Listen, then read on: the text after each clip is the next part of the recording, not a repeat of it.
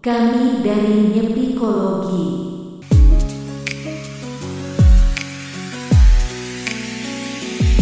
Gua Fikra itu ada yang suaranya menyedihkan itu Nisa, yang lebih menyedihkan lagi kita Bangsat. Yang suaranya keren gua do Fikra doang. Laki keren, eh, rajin menabung, tampan, berwibawa. Terus dua Suka wanita sedih ini Gita dan Nisa. Bangke. Perasaan Assalamualaikum warahmatullahi wabarakatuh. Waalaikumsalam warahmatullahi wabarakatuh. Terima kasih, selamat malam dan sampai jumpa. Gimana sih anjir? Jadi gini, beberapa tahun silam, beberapa tahun silam kita Iya kayak sih emang udah lama sih. kebetulan kita bertiga ini adalah serombongan eh, kawan, serombongan eh, kok serombongan tuh kayak kayak Segeng, sapi segeng, gitu ya, segeng. eh, karapan. Ya, kita enggak jangan geng, kesannya nanti kita di kerjanya tawuran berantem. Lah Kita- emang kita- enggak. Kan Ya udah iya. bilang. Ya udah sesuai dengan ini aja Tolong deskripsi jangan kita. memperjelek image saya. Padahal adalah- anda ketua geng. Kita tiga entitas saja udah lah, nggak usah dibilang segerombolan, tiga entitas saja. Udah itu udah cukup. Kita, kebetulan waktu itu ya pokoknya kita sering nongkrong di warkop sama dan tidak punya kayak orang kalau ngeliat kita tuh nongkrong nyari setiap malam kayak ini orang masa depannya ah, apa sih ya gitu ya. Iya, dari gue dibilang dari kontraproduktif sama temen-temen gue gara-gara nongkrong sama kalian. nah Nah, anyway. jadi ini siapa yang mau ngomong jangan potong-potong dulu Fikra, Ya, Fikra. maaf. jadi itu kan kita dulu tuh sering banget nongkrong sampai pagi dan membicarakan nyaris apa pun ya ya gue yakin saya nyaris semua lingkaran tongkrongan pasti begitu. Ngomongnya ngalor ngidul. Nah kebetulan kita bertiga ini ada apa ya seperti tongkrongan-tongkrongan lainnya yang kerap merasa bahwa diri mereka tidak karena nongkrong. Mencari sebuah eh, manifestasi dari nongkrongan ini biar ngerasa sedikit produktif. Terus mikir kayak aduh eh, Nisa kalau nggak salah waktu ngomong pengen bikin podcast nah kayaknya kan jadi waktu itu eh, nggak jelas apa yang mau dia ngomong tapi pengen punya podcast gitu doang gitu ya karena jadi ini tuh biar Nisa udah berhenti ngerangnya aja kita bikin ini jadi kalian mau dengerin boleh Eh, ya mau image- dengerin juga apa-apa Image barengeknya nggak hilang-hilang ya, tolong ya. Udah dewasa nih sekarang. Ah iya bu. Jadi kita memutar otak gitu terus bukan kita sih sebenarnya ini dua cewek ini kebetulan tuh lagi marak hal-hal yang fana gitu loh. Contohnya adalah cinta. Jadi cinta itu fana guys. Gak usah percaya. Fuck lah. Iya. Weh.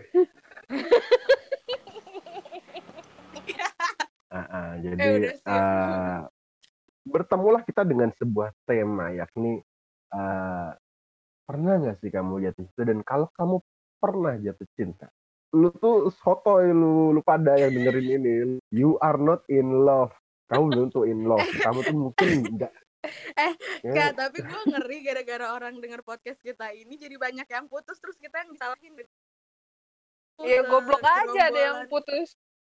Maka dari itu demi keamanan kita disclaimer buat kamu yang eh, udah punya pasangan hati-hati mendengarkan ini karena berpotensi menggoyahkan iman Anda terhadap pasangan Anda masing-masing.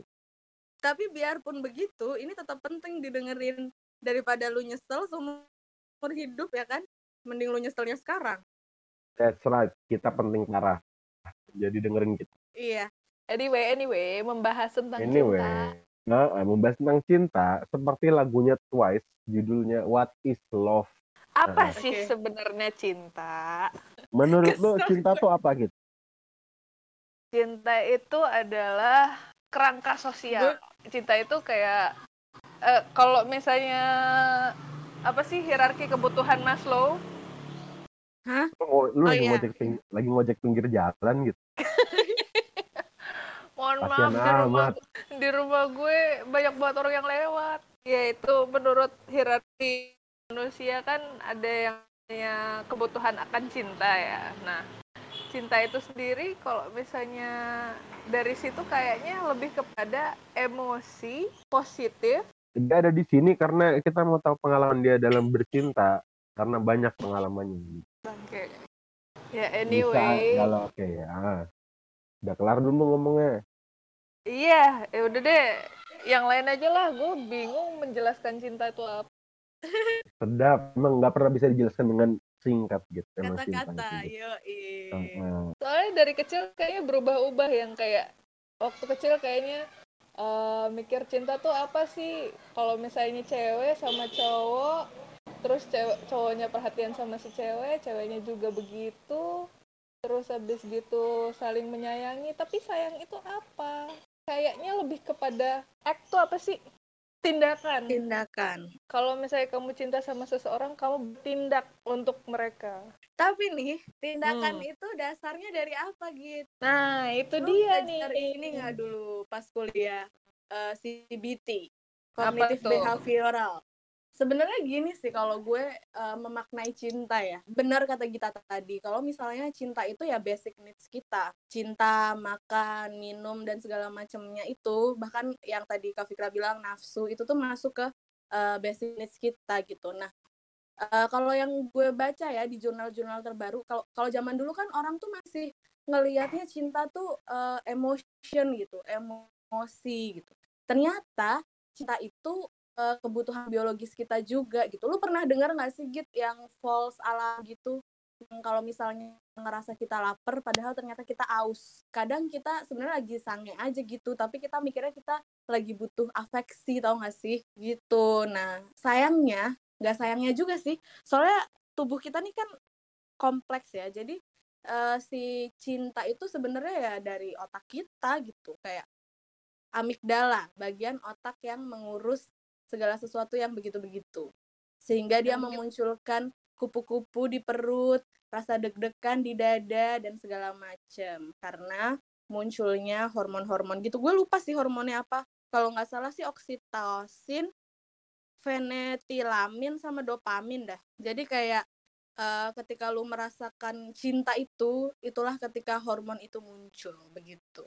Rasanya tuh kayak kita lagi pakai amfetamin tong kayak apa tuh exciting exciting excited gitu terus kita kayak ah gitu Iya ya paham paham paham. paham kan maksud Eh, gue gua- paham dong iya aku paham banget tuh yang ah gitu wah itu Gitu. Jadi-. Iya. Eh ada motor lewat. eh, Out of topic dulu bentar. Kalau misalnya makan eh, Nah, kalau misalnya dibilang sebenarnya lo percaya nggak sama yang namanya first at the eh, love at the first sight atau lebih percaya ke lust at the first sight? las lah. Itu tadi yang gue bilang false alarm gitu. Kita mengira itu adalah cinta. Padahal itu adalah ilusi dari tubuh kita yang memberikan alarm bahwa sebenarnya kita lagi sange. Kok Kak Fikra nggak ada suaranya sih Fikra sedang ngeliat. yang yang yang paling sering sange ini mau komentar ini. Masya Oh, iya, iya. allah subhanallah. Mau sholat kita. dulu. Astagfirullah harusnya kak.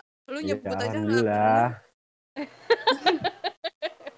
jadi kayak last person tuh kayak ngeliat kata, aduh gue pengen pengen ngewe sama dia. gue gue punya teori nih. Ini gue sotoy aja sih ya maksudnya jangan gara-gara gue psikolog terus lu semua pikir apa yang keluar dari mulut gue tuh scientific gitu nggak selalu ya meskipun emang gue pinter aja gitu jadi apa yang gue omongin pasti ada teori-teorinya tapi ini udah gue gue gabungkan gue kolaborasikan dengan buah pikir gue sendiri gue tuh Hmm, ada apa tuh? gue apa kebanyakan intro gue jadi lupa mau ngomong apa jadi Bangke. sebenarnya kan kalau misalnya dari teorinya Freud ya kalau misalnya kita ngomongin basic needs manusia itu kan nggak ada yang bagus gitu. Kayak eh, dorongan dari dalam diri kita itu semuanya ya isinya antara agresi atau libido gitu. Jadi ya wajar aja kalau sebenarnya lu ngelihat orang tuh eh, libido yang muncul gitu. Tapi kita kan punya nilai-nilai norma sosial yang sudah ditekankan sedari kecil bahwa tidak baik nak. Kamu sange-sange sama orang sembarangan ya kan jadi akhirnya kita eh, making eh, nafsu itu menjadi cinta gitu menurut gue sih Jadi asal usulnya itu bukan love at the first sight, tapi lust at the first sight, tapi dimas sebagai love agar eh, apa ya? acceptable secara sosial Ah, baiklah. Ya ya ya, bisa dimengerti itu. ya wajar kan dalam pandangan sama kita ngeliat orang penuh dengan kekaguman akan eh, paras indah wajahnya, lekuk indah tubuhnya atau apa pun itu yang Mm-mm. berujung pada pergerakan eh, peningkatan ukuran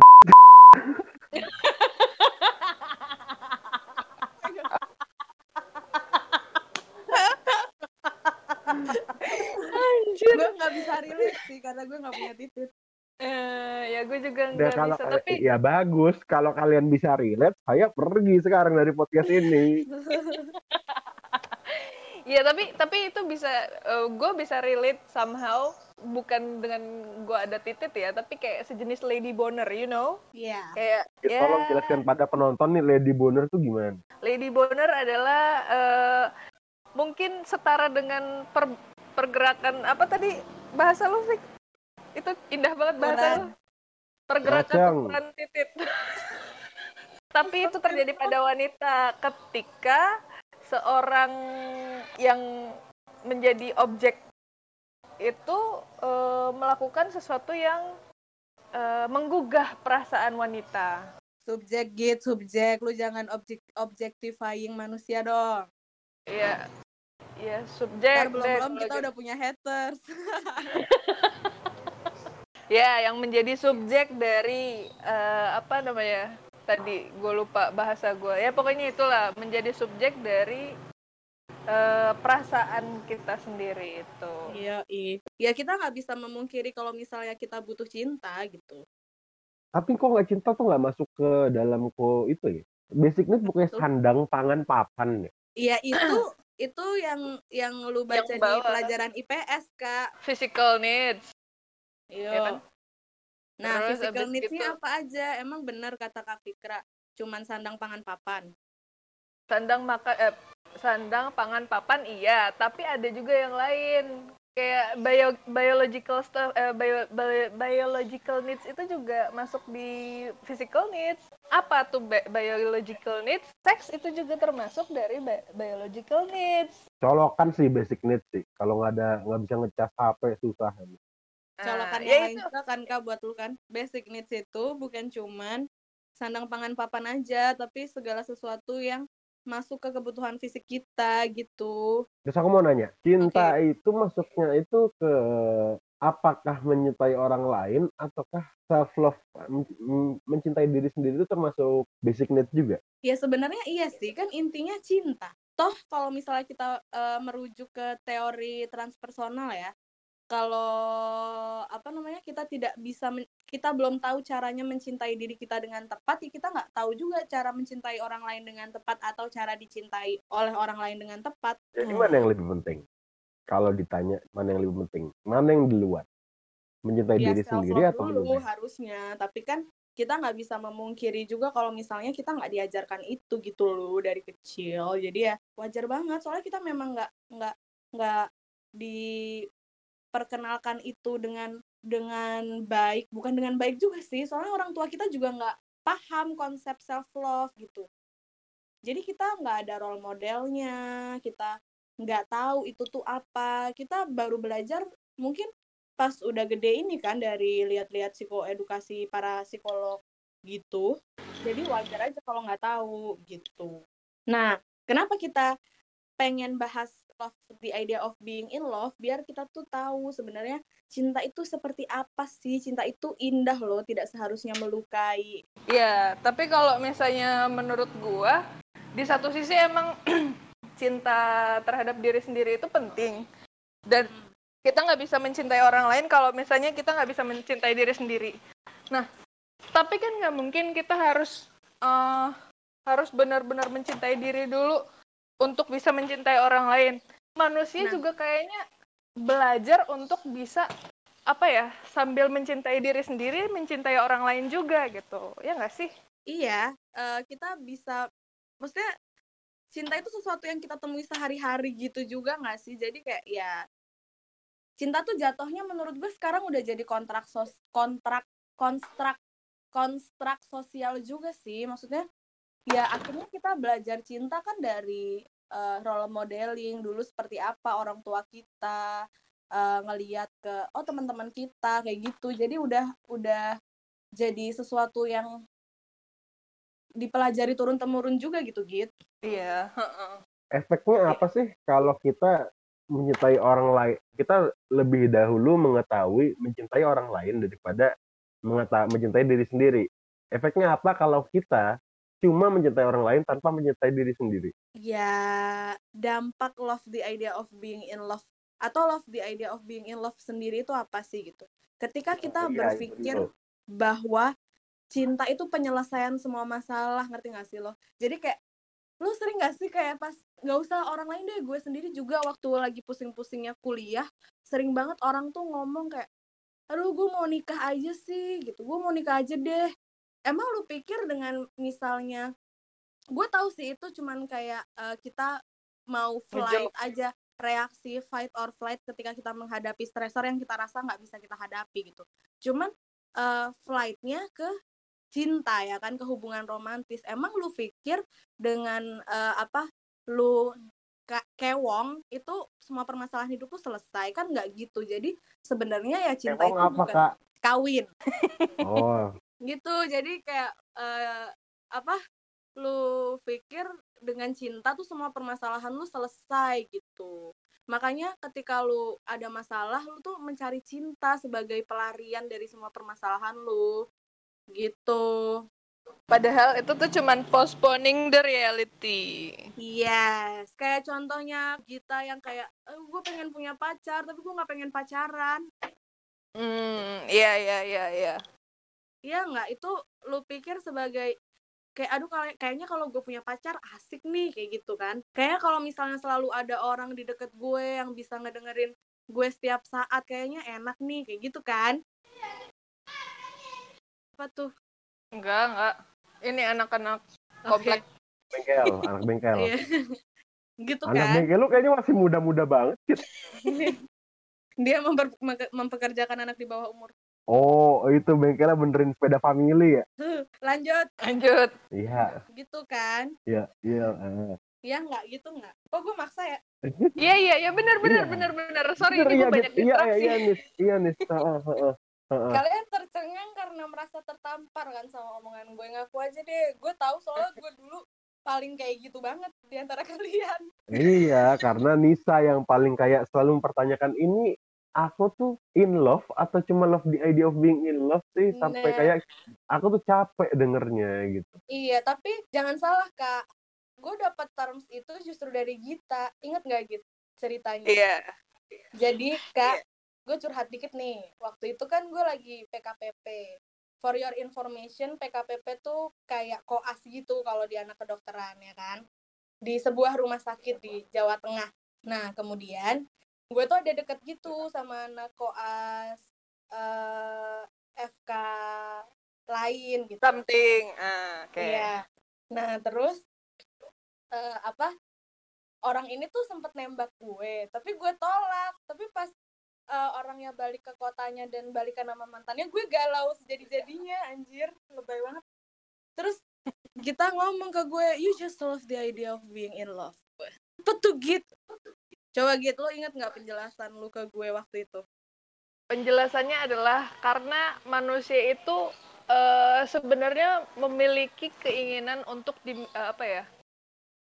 Desirabilities ya kayak ya, pengen ada sih yang nggak nggak sampai nyembah sih tapi ada dong yang kayak uh, memuja gue yang membuat yeah. gue tuh sebagai uh, kayak life source-nya dia gitu. Gue gue pengen kayaknya manusia ada deh perasaan uh, diinginkan oleh seseorang. Nah, nah. ketika ketika uh, cowok itu nembak si Nisa terus habis gitu pas dia balik dia malah jadian lagi sama mantannya perasaan hatinya Nisa terluka karena kayak oh kehilangan oh, fans. ternyata ah kehilangan fans. Nah, jadi sebenarnya waktu itu dia galau, tapi galaunya bukan karena dia Orangnya. sebenarnya cinta sama orangnya, Yes. tapi cin- tapi karena kehilangan fans militan. Iya, i. Tahu banget ya gue hobinya pelihara fans militan ya kan. Yang mana fans militan ini jadi normal ketika itu beneran pacaran. Iya, Dalam konteks apa-apa, dalam lu konteks nggak apa-apa, pacaran bisa. lo nggak apa-apa saling mengagumi kayak mau lu bucin juga menurut gue nggak apa-apa asal asal resiprokal gitu hubungannya dua arah cuman kalau satu arah doang ya ya makan hati kan Iya. Nah, masalahnya di di idea of love eh, di loving the idea of being in love itu kadang-kadang kita tuh apa ya? eh, menormalkan apa yang seharusnya tidak menjadi eh, norma dalam iya kehidupan. Misalnya kayak cowok gue eh, apa ya contohnya ya? cowok gue abusive banget toxic Tap. gue gue Uh-uh. sebenarnya nggak suka sih kata toxic ini yang selalu dipergunakan dalam konteks apa pun tapi ya orang lebih paham kata toxic jadi ya ya udah. Gu- eh, cowok gue tuh sebenarnya abusive tapi di, di di luar dari abusive itu dia sayang banget sama gue. Kalau misalnya ke mana-mana pasti gue di oh, kamu di dianterin. mana? Dianterin apa segala macam.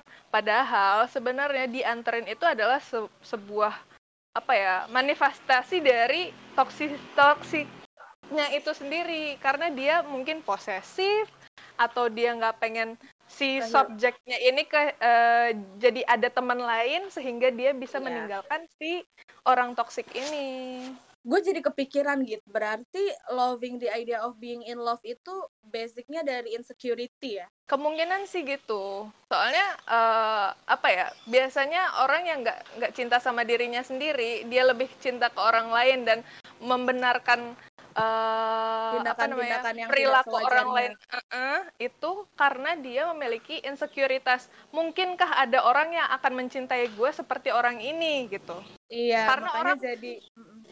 Mm-mm, karena orang jadi males untuk memulai sesuatu yang baru lagi karena kayak akankah ada yang lebih baik daripada ini ya udahlah settle aja lah sama yang ini toh gue juga belum tentu nemu yang lebih baik diri gue sendiri di masa lalu terluka gitu mendengar ini soalnya gue dulu kayak yang beneran gue tahu itu nggak ba- nggak baik buat gue tapi gue kayak tapi kalau gue nggak sama dia nanti gue gimana? Gitu. Gue sama Nah, siapa? Masih ada nggak yang mau sama gue? Padahal eh hello Nisa di masa lalu goblok banget yang mau sama lu tuh banyak. Asik. Gila. Tapi itu balik lagi berakar kepada insekuritas Kenapa insecure?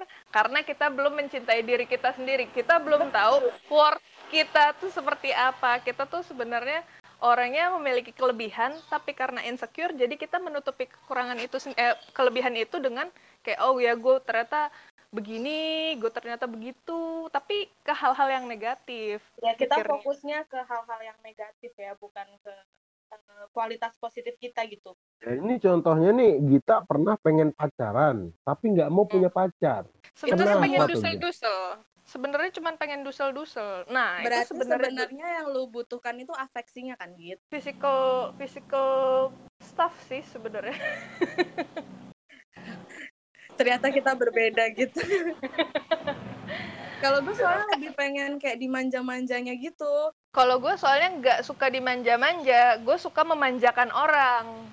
hmm, oke Makanya sebenarnya kita cocok nih. Lu pengen dimanja, gue pengen memanjakan. Iya makanya kita nggak pernah berantem ya Nah, itu salah satu eh, apa trait yang tidak toxic, tidak Yoi. insecure walaupun eh ya begini. Padahal ya, yang kalau misalnya kayak gini kan sebenarnya bercandaan atau ya iya di la- di di sisi lain cinta itu memang eh, banyak yang langsung mikirnya romantis tapi bisa juga cinta platonik sesama teman nah itu yang kadang eh, orang tuh karena kita tuh kebanyakan dicekokin film Disney ngerti gak sih lu? Pas kita kecil kayak kita tuh membayangkan ketika kita memakai gaun putih terus eh, apa kewong terus habis gitu kita kiss di pernikahan itu kayak semua permasalahan kita tuh selesai gitu. Jadi kayak kita tuh udah mencapai hari apa hakikat tertinggi dari hidup ini gitu mendapatkan cinta. Padahal kalau misalnya film Disney tuh ada seriesnya ya dilanjutin ya nggak happily ever after juga gitu cuman kita udah terbiasa dengan terms bahwa uh, they'll live happily ever after setelah mereka menikah. ya kan? Nikah. Iya, jadi, Jadi orang tuh ngebayanginnya habis nikah tuh udah happy-nya aja gitu. Padahal kan nggak kayak gitu juga gitu. Itu yang menurut gue menjadi sumbangsih besar sih ketika kita berpikiran bahwa uh, permasalahan kita tuh akan selesainya ketika kita menikah. Sebenarnya nggak nggak sekasar itu sih bahasanya, tapi kita membayangkan bahwa uh, cinta itu indah banget gitu. Iya, dan tapi di sisi, di sisi lain bukan cuma Disney yang bikin kita berpikiran seperti itu, Nisa. Ya nggak sih, kalau misalnya orang Indonesia nih, rata-rata keluarganya merasa nyaman kalau misalnya anaknya sudah menikah. Seperti Betul. sudah tidak ada beban. Itu menjadi kayak patokan terakhir eh, apa tingkat kebahagiaan manusia. Kalau misalnya Iya, ya biasalah kalau misalnya udah udah udah SD SMP SMA terus habis gitu mau kuliah di mana? Udah kuliah mau kerja di mana? Udah kerja udah mau nikah eh, nikah kapan? Kalau misalnya udah nikah anak udah ada atau belum? Bla bla bla bla. Pada akhirnya itu juga yang mensumbangsi manusia-manusia di Indonesia menjadi orang yang eh, pikirannya love oriented bahkan itu jadi pencapaian orang tua gitu nggak sih kalau di bahasa Jawa kan anaknya udah mentas gitu kalau misalnya udah nikah. Eh, Mau lu sesukses apa pun, kalau misalnya lu belum kawin itu masih kayak jadi belum mentas gitu karena masih tanggung jawab Hmm. orang tua lu ya kan. Padahal dia bisa Hmm. bertanggung jawab atas dirinya sendiri loh. kalau Fikra dari sisi cowok kayak gimana? Kalau misalnya cewek kan jelas eh, cewek tuh dianggap udah udah kayak eh, gimana ya? Udah hidupnya udah lengkap kalau misalnya udah nikah. Kalau misalnya cowok kayak gimana di keluarga lo? Ya, gue tuh nggak pernah ya namanya ditekan untuk menikah ataupun untuk pacaran gitu. Nyokap bilang kayak, ya udah ya, ya kalau kakak happy, kita ayah ibu happy segala macem bla bla bla. Jadi eh, konsep bahwa kayak misalnya kayak pengen pacaran tapi nggak mau punya pacar itu gue kayak nggak pernah kayak Masa? Eh tapi Git kalau misalnya ngomongin basic di keluarga ya sebenarnya keluarga gue nggak kayak gitu juga sih. Soalnya di keluarga gue itu mereka bahkan kayak lebih ke nge-push gue untuk bisa mandiri dulu sebelum gue nikah gitu. Jadi kayak aduh jangan nikah dulu lah kalau misalnya belum belum eh, financially independent. Stable. Iya, jadi kayak kayak kalau di keluarga gue sih nggak pernah dikejar-kejar nikah gitu. Jadi balik lagi ke kalau gue kayaknya ya waktu itu eh, karena gue kesepian aja gitu. Eh tapi kenapa gue kesepian juga? Nah ini balik lagi ke ke kita tadi karena kita fokusnya itu cinta itu hanya romantic romantic relationship gitu. Jadi pada masa itu ya gue nggak bisa ngelihat bahwa anjir ternyata teman-teman gue tuh sayang banget sama gue gitu dan gue sadarnya kayak telat gitu loh pas udah mau lulus S2 bahwa ternyata gue tuh bisa feeling fulfill dari afeksi yang diberikan sama teman-teman dan keluarga gue. Nah, apa yang membedakan nih gue yang dulu dan gue yang bisa bisa memahami bahwa cinta itu nggak harus romantis gitu, tapi bisa platonik juga. Itu karena gue aware, gue mindful gitu. Jadi gue memaknai setiap hubungan gue kasih sayang yang diberikan keluarga sama teman-teman gue gitu. Jadi gue nggak lagi nyari. Kalau dulu kan gue nyari, gue udah dapet cinta nih. Tapi kalau cintanya nggak kayak gini, menurut gue gue belum fulfill gitu. Tapi setelah itu gue udah aware kan, kayak oh ternyata keluarga gue sayang banget sama gue, teman-teman gue sayang banget sama gue. Mau jemput gue tengah malam kalau gue lagi lapar itu kan sebenarnya bentuk kasih sayang. Jadi kayaknya nilai-nilai di keluarga itu bukan satu-satunya prediktor, tapi eh, semua interaksi kita selama hidup deh gitu. Iya, ya sih sebenarnya keluarga juga keluarga gue juga bukan orang yang maksain gue untuk nikah atau gimana. Karena kayak umur gue udah segini tapi ya keluarga gue masih slow-slow aja tuh nggak ada yang maksa gue untuk kapan pacar, eh, kapan bawa pacar ke rumah? Atau apa, kapan mau nikah, bla bla bla. Enggak sih. Tapi gue nggak tahu, gue ngerasa sih eh, itu keluarga gue dan keluarga Nisa dan mungkin keluarganya Fikra itu eh, lumayan jarang. Soalnya banyak teman gue tuh yang eh, udah kayak aduh kapan kamu nikah? Kapan? Apa segala macam gitu. Banyak cerita yang kayak gitu. Iya benar. Ketika orang mikir bahwa nikah adalah solusi, eh, itu berarti bisa jadi itu adalah salah satu contoh dia cuma love the idea of being in love aja. Ketika cuma mikirin pernikahannya tapi nggak mikirin gue Pasangannya cinta nggak siapa? sih sama orang ini nggak Iya, mikirin betul. siapanya cuma mikirin nikahnya doang Iya, ya yang Itu penting gue contoh. kawin lah gitu. iya Makanya itu salah satu sering gak sih ya kalian berarti dengar gue soalnya sering banget dengar yang kayak pokoknya gue mau nikah tahun depan sama siapa nggak tahu pokoknya mau tahu. tahun depan gitu terus ini salah satu contoh lain kenapa ketika lu love the idea of being in love pernah nggak sih lu ini lu sama cowok nih sih kalian ya nggak suka suka banget nih tapi kalian tetap pacarin karena ah yang penting ada dulu gue banget gue banget di masa lalu kalian Pernah suka ya, Bu? aku ya aduh sih.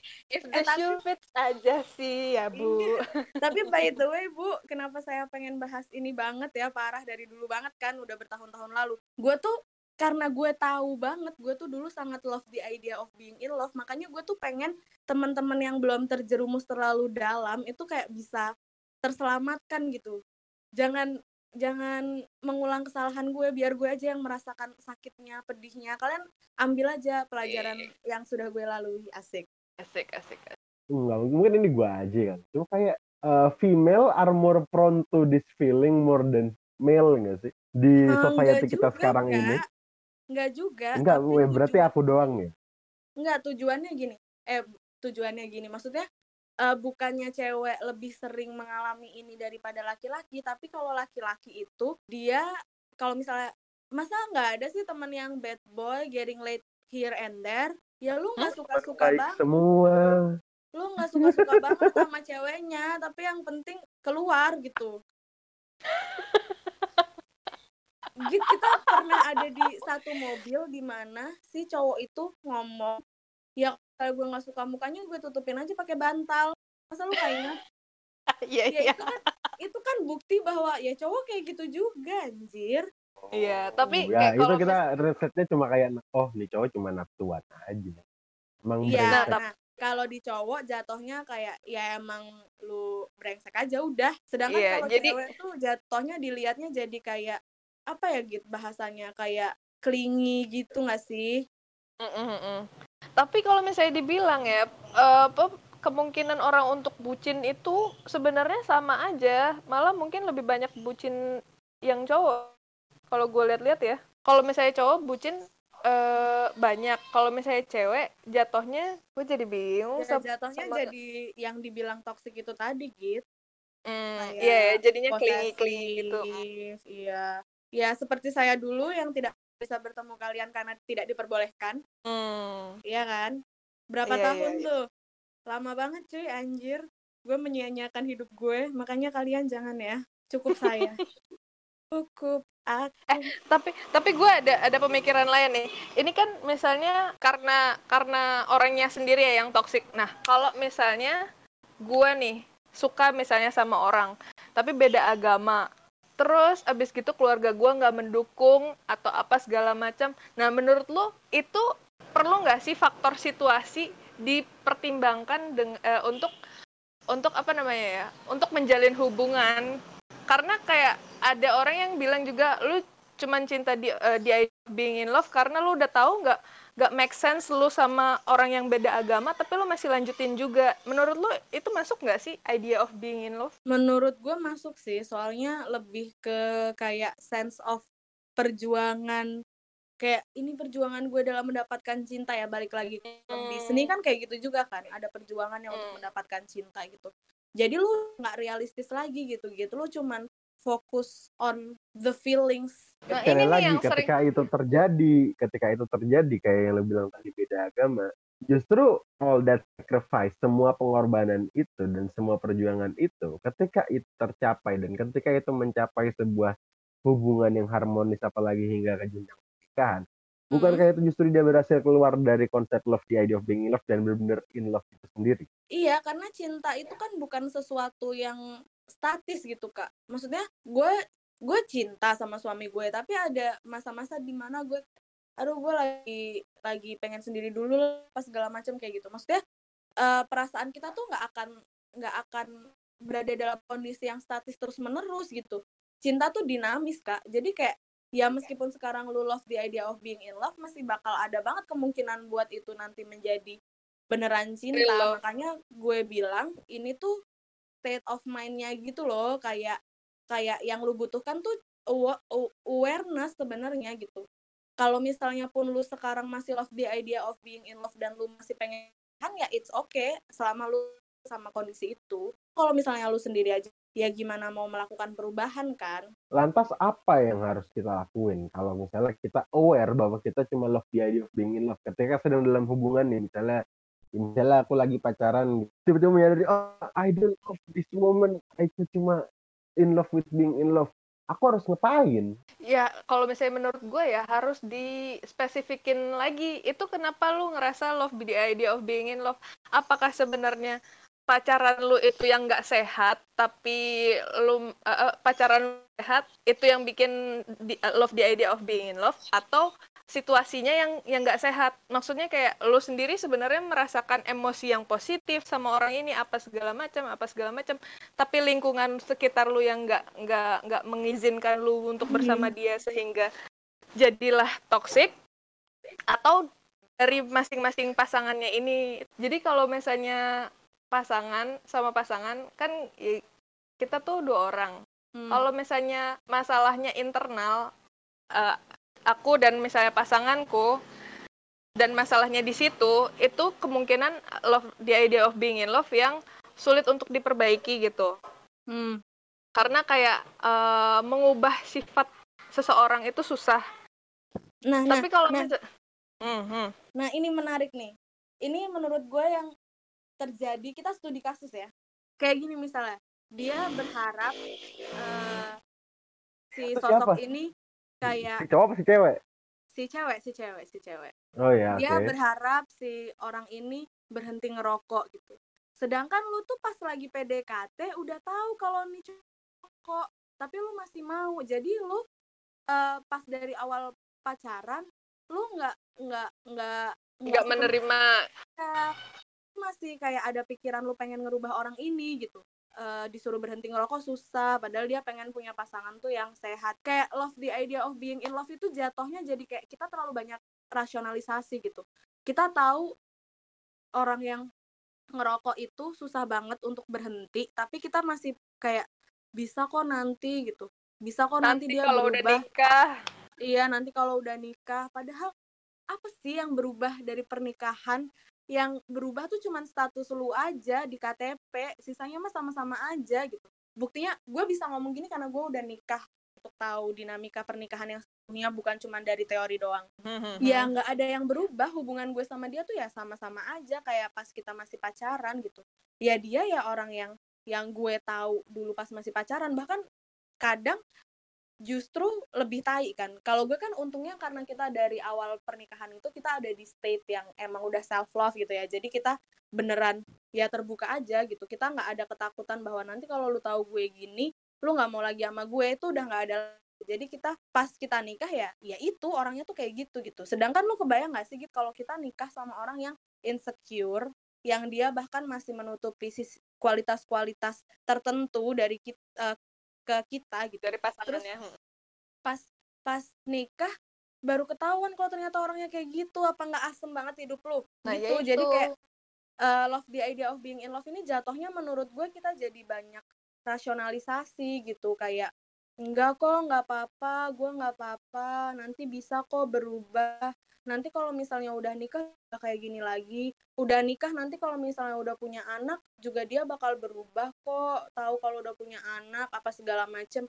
Enggak bro. Enggak sis enggak kayak gitu cara mainnya gitu. Kayak kalau misalnya dari awal dari PDKT lu udah tahu lu nggak sama sesuatu tuh ya ya nggak usah.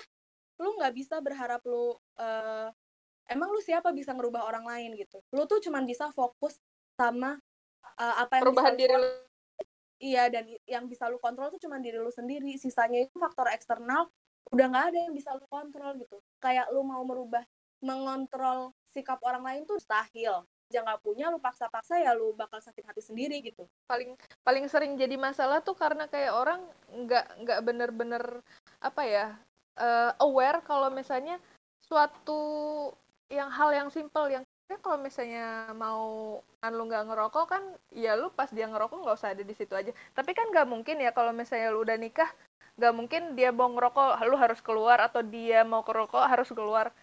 Itu tuh bukan sesuatu hal yang mudah. Nah orang-orang itu kalau misalnya yang gue lihat adalah pacaran oh kayaknya hidup gue nikmat banget kayak gini kayak gini kayak gini.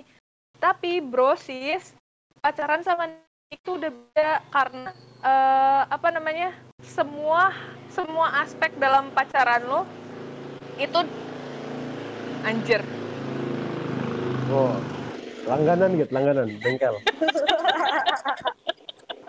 tukang sayur lewat Pa- pa- pokoknya semua aspek dalam eh, pacaran lo itu diper diper magnified 10 kali lipat gitu kayak Iya, hal-hal iya. yang sepele yang kayak lu pulang ke rumah lu taruh tas eh, sembarangan terus pasangan lu yang harus ngebersihin oke kalau misalnya sehari dua hari nggak masalah mungkin. Tapi kalau misalnya lu bayangin itu sebagai eh, kegiatan secara se- selama 50 tahun apa nggak enek tuh?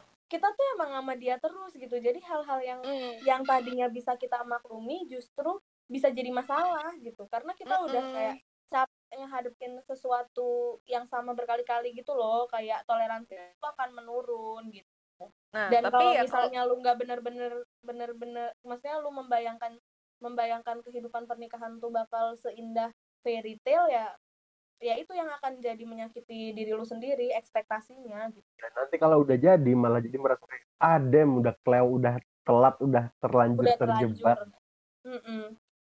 Udah nggak bisa mundur lagi kan. Itu yang kadang kita tuh nggak sadar kita selesai sama diri kita sendiri tapi kita looking for fulfillment dari orang lain gitu. Kalau ini menurut bagus. gue ya hmm, kalau menurut gue Buat- sebuah sebuah sebuah relationship itu bisa berjalan dengan baik kalau misalnya lo tuh udah udah memiliki kebahagiaan sendiri di luar dari eh, pasangan lo ya pasangan lo itu sebagai bonus bukan sebagai sumber kebahagiaan.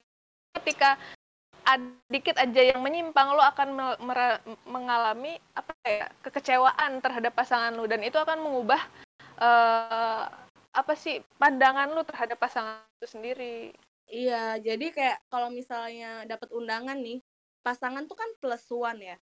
Plus one itu bukan buat ngisi minusnya kita tapi buat kita jadi dua gitu buat jadi Mm-mm. dua insan yang utuh Sedap. dari kita minus jadi nol Mas, gara-gara kita punya sedap banget. pasangan. Itu sih yang menurut gue harus di disadari gitu bahwa plus one itu bukan buat mengisi kurangnya kita, tapi buat kita menjadi dua pribadi yang bisa utilize bareng-bareng gitu. Jadi Gimana, tadi ya, saya kalau ngambil kesimpulan adalah itu jadi yang kita ngomongin dampak negatif. Kalau kamu ada dalam uh, kondisi cuma the idea of being in love. Yes. Nah, ini terus kalau lu love, like love the idea of being in love tuh kayak pernah pacaran tapi nggak punya pacar, kayak mengidealkan pernikahan, eh pengennya nikah tapi nggak tahu sama siapa, terus kamu nggak suka-suka banget sama orang yang tapi dipacarin, ngelihat temen punya pacar terus pengen ikutan punya pacar, cuma pengen kayak disayang-sayang, pengen dusel-dusel doang, atau pengen enak-enak doang, atau pengen ngecas doang, nyolokin sesuatu, itu kan kayak tadi semua ciri-cirinya love the idea of being in love itu seperti apa kan? Iya. dan ini jadi bahaya laten guys. Betul buat kalian yang sekali. dengerin bahaya laten. Karena dampak negatifnya itu sangat bahaya. Gimana lo perlu udah pernikahan 50 tahun dan baru menyadari bahwa love the idea of being in love kayak what the aku terjebak dalam sebuah penjara cinta yang tiada ujungnya. tapi Eh, emang em- terus emang ya emang serem banget sih kalau misalnya di apa di dipetakan seperti ini tapi balik lagi kalau misalnya hubungan itu sebenarnya masih bisa diselamatkan Asal kedua belah pihak menyadari. iya betul sekali Karena Kedua hubungan itu resiprokal, harus Betul. dua-duanya.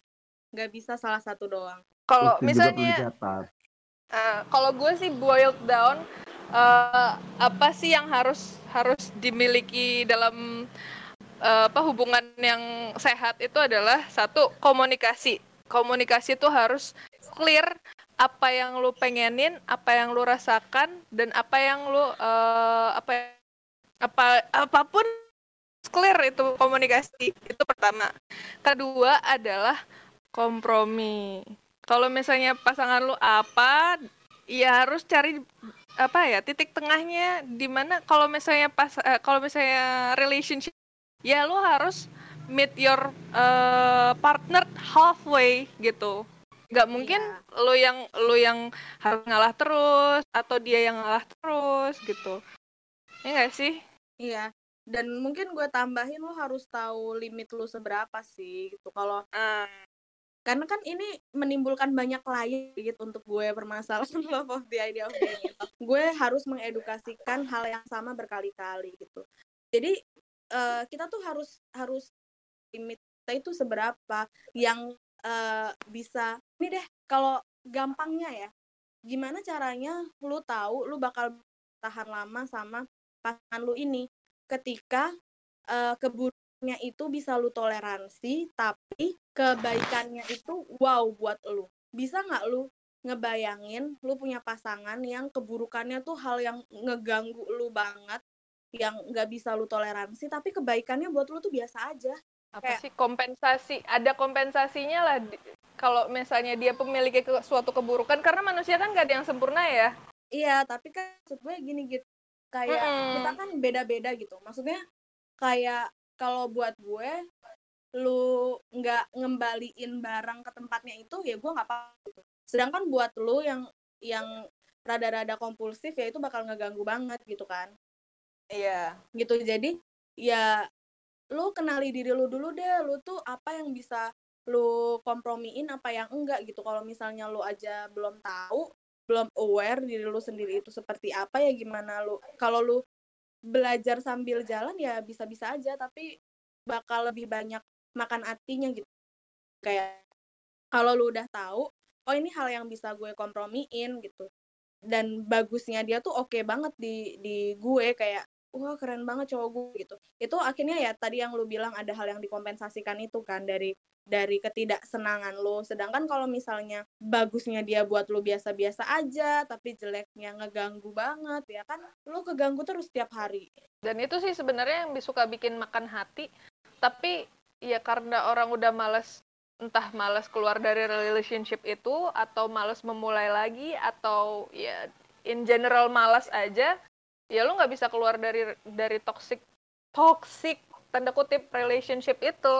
Balik lagi ke rasionalisasi gitu. Lo masih punya hope masih punya harapan bahwa itu bisa diperbaiki Nah. nggak kok nggak akan selamanya kayak gini kok pasti one day dia bakal ngerti kalau gue kasih tahu terus pasti one day dia bakal ngerti sebenarnya masih sebenarnya itu nggak bisa dibilang 100% salah Hmm, Masalahnya lu harus mengenal pasangan lu dulu. Dia seperti yang tadi lu bilang butuh readiness sama willingness. Nah, lu lu bilang enggak kok dia pasti bisa berubah kalau misalnya gue kasih tahu setiap hari bla bla bla. Nah, tapi lu kenali dulu pasangan lu tuh memiliki readiness sama willingness untuk berubah. me- iya Setelah dikasih tahu apa enggak gitu. Iya, jadi berubahnya with consent. Tapi lu harus Mm-mm. observasi juga perilakunya. Maksudnya bukan dengan dia ngomong, iya gue bakal berubah kok, iya gue bakal berubah. Nanti kalau misalnya udah nikah juga gue nggak bakal kayak gini lagi. Itu kan janji-janji semua ya. Maksudnya harapan lu tuh jangan terus janji-janji manis dia, lu lihat juga perilakunya. Bener nggak sih selama berhubungan sama gue ini dia ada perubahan yang mengarah ke situ. Iya, Janganlah terlalu naif gitu. Kalau Iya. misalnya emang hubungannya tidak didasari sama apa namanya ya fondasi yang kuat dari komunikasi apalah yang tadi kita bahas itu komunikasi kompensasi sama kompromi. iya kompromi itu ya ya akan susah untuk untuk dilanjutkan gitu Terus orang tuh harus gimana sih kalau mereka akhirnya menyadari atau mereka berada dalam sebuah kondisi mereka cuma love the idea of being in love. Mereka harus gimana? Kadang ada orang yang mikir cuma kayak aduh gue harus bersyukur gue dapat ini masih bersyukur dia mau sama gue. Tapi you have to think further man. Kayak in the long term lo harus mikir in the long term. Apakah ini worth it? Apakah ini layak untuk bisa diperjuangkan? Apakah ini bisa untuk mencapai end game-nya yakni eh, liang lahat.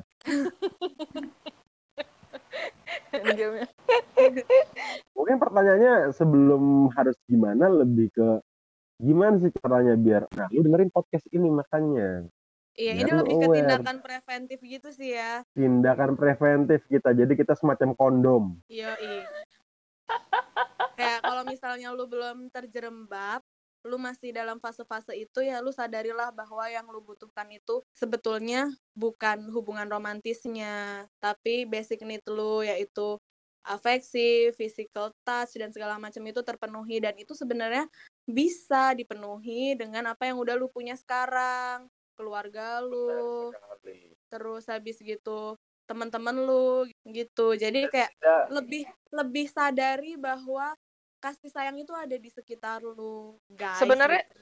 Se- sebenarnya kalau misalnya orang dari masih dalam tahap love the idea of being in love dan mereka ready dengan apa namanya dengan konsekuensi kalau misalnya ya emang ini bukan bukan end game gue bukan di sini. Ya udah jalanin jalanin aja. Whatever makes you happy sebenarnya. Eh, love yourself dulu deh gitu. Soalnya ya kayak tadi yang kita bilang kalau lu belum tahu eh, love itu seperti apa self apa kalau lu belum tahu cara mencintai yang tepat itu seperti apa ya lu nggak bakalan tahu gimana cara mencintai dan dicintai orang lain dengan tepat gitu. Kasihan elunya kayak eh, lu ada di hubungan toksik tapi demi looking for fulfillment yang nggak bakal lu dapetin juga lu stay in that relationship gitu-gitu. Jadi kayak marilah kita gue ibaratin gini ya kalau misalnya kalau misalnya gel- gelas nih eh, kit- manusia tuh adalah gelas gitu. Gelas gue itu kosong. Terus habis gitu gue minta gelas itu diisi sama orang lain gitu kan itu yang kita lakukan kan kita eh, looking for love buat fulfillment ya orang lain itu bakal jadi aus gitu karena eh, gelas dia jadi ikutan kosong karena kita minta terus gelas kita itu untuk diisi gitu. Iya kalau misalnya dengan isi gelasnya dia itu misalnya dia punyanya kopi gitu. Kita merasa terpenuhi. Sedangkan kalau dia punyanya teh kan kita tetap kayak aduh gue pengennya kopi kayak gitu. Gitu. Nah, lebih parah lagi kalau gelas lu bocor, ya udah mau berapapun yang dikasih, lu nggak akan pernah ngerasa cukup gitu. Nah, beda halnya kalau misalnya kita menyadari bahwa kayak misalnya oke gelas gue kosong gue nyari eh, orang yang gelasnya penuh biar bisa ngisi gelas gue tapi dia punyanya teh. Ya udah deh nggak apa-apa dengan teh ini gue masih bisa nikmatin kok. Itu kita masih ada lah eh, merasa eh, terpenuhinya gitu. Nah tapi kalau misalnya dua orang yang bertemu ini sama-sama love the idea of being in love nih sama-sama gelasnya kosong ya gimana lu minta air dari satu sama lain sedangkan satu sama lain gelasnya sama-sama kosong? Kan bunuh diri namanya. Manusia tanpa air kan akan mati gitu. Kalau misalnya gelas gue penuh gelas lu penuh yang gue bilang tadi plus one itu untuk jadi dua bukan untuk jadi menuhin minus kita. Kalau gelas kita sama-sama penuh kita tuh bisa icip-icipan gitu. Oh enak juga ya gelas apa isi gelas lu gitu. Ini nih isi gelas gue enak loh gitu. Jadi kayak paham gak sih maksud gue? Kayak lu tuh bisa saling mengisi gitu. Dengan iya. dengan eh, sesuatu yang udah lu punya bukan lu nggak punya apa-apa lu minta-minta ke orang lain yang orang lain itu belum tentu punya juga. Atau dia punya tapi malah jadi dia yang kekurangan. Sayang punya aku enak. Makasih. Bangke. Anyway ya itu kalau misalnya di dirangkum lagi dari yang tadi omongannya adalah uh, ketika lo um, memiliki pasangan atau ingin memiliki pasangan tapi uh, masih memikirkan uh, idealisme lo sendiri dan bukan kan- bukan berdasarkan atas apa yang pasangan lu punya itu sebenarnya lu masih love the idea of being in love dan gimana caranya kita keluar dari itu? Kalau misalnya kita mau keluar dari state love the idea of being in love adalah dengan cara jadi lebih realistis aja. Gimana caranya realistis? Dengan komunikasi sama pasangan lo. Terus habis gitu eh, komu- komunikasi kompensasi sama kompromi. Dan eh, lu juga harus aware sama gimana sih situasi lo sendiri gitu. Diri lo sendiri lo harus paham. Dan pasangan lo sendiri lo juga harus paham biar sama-sama enak gitu dalam menjalani hubungan. Idem.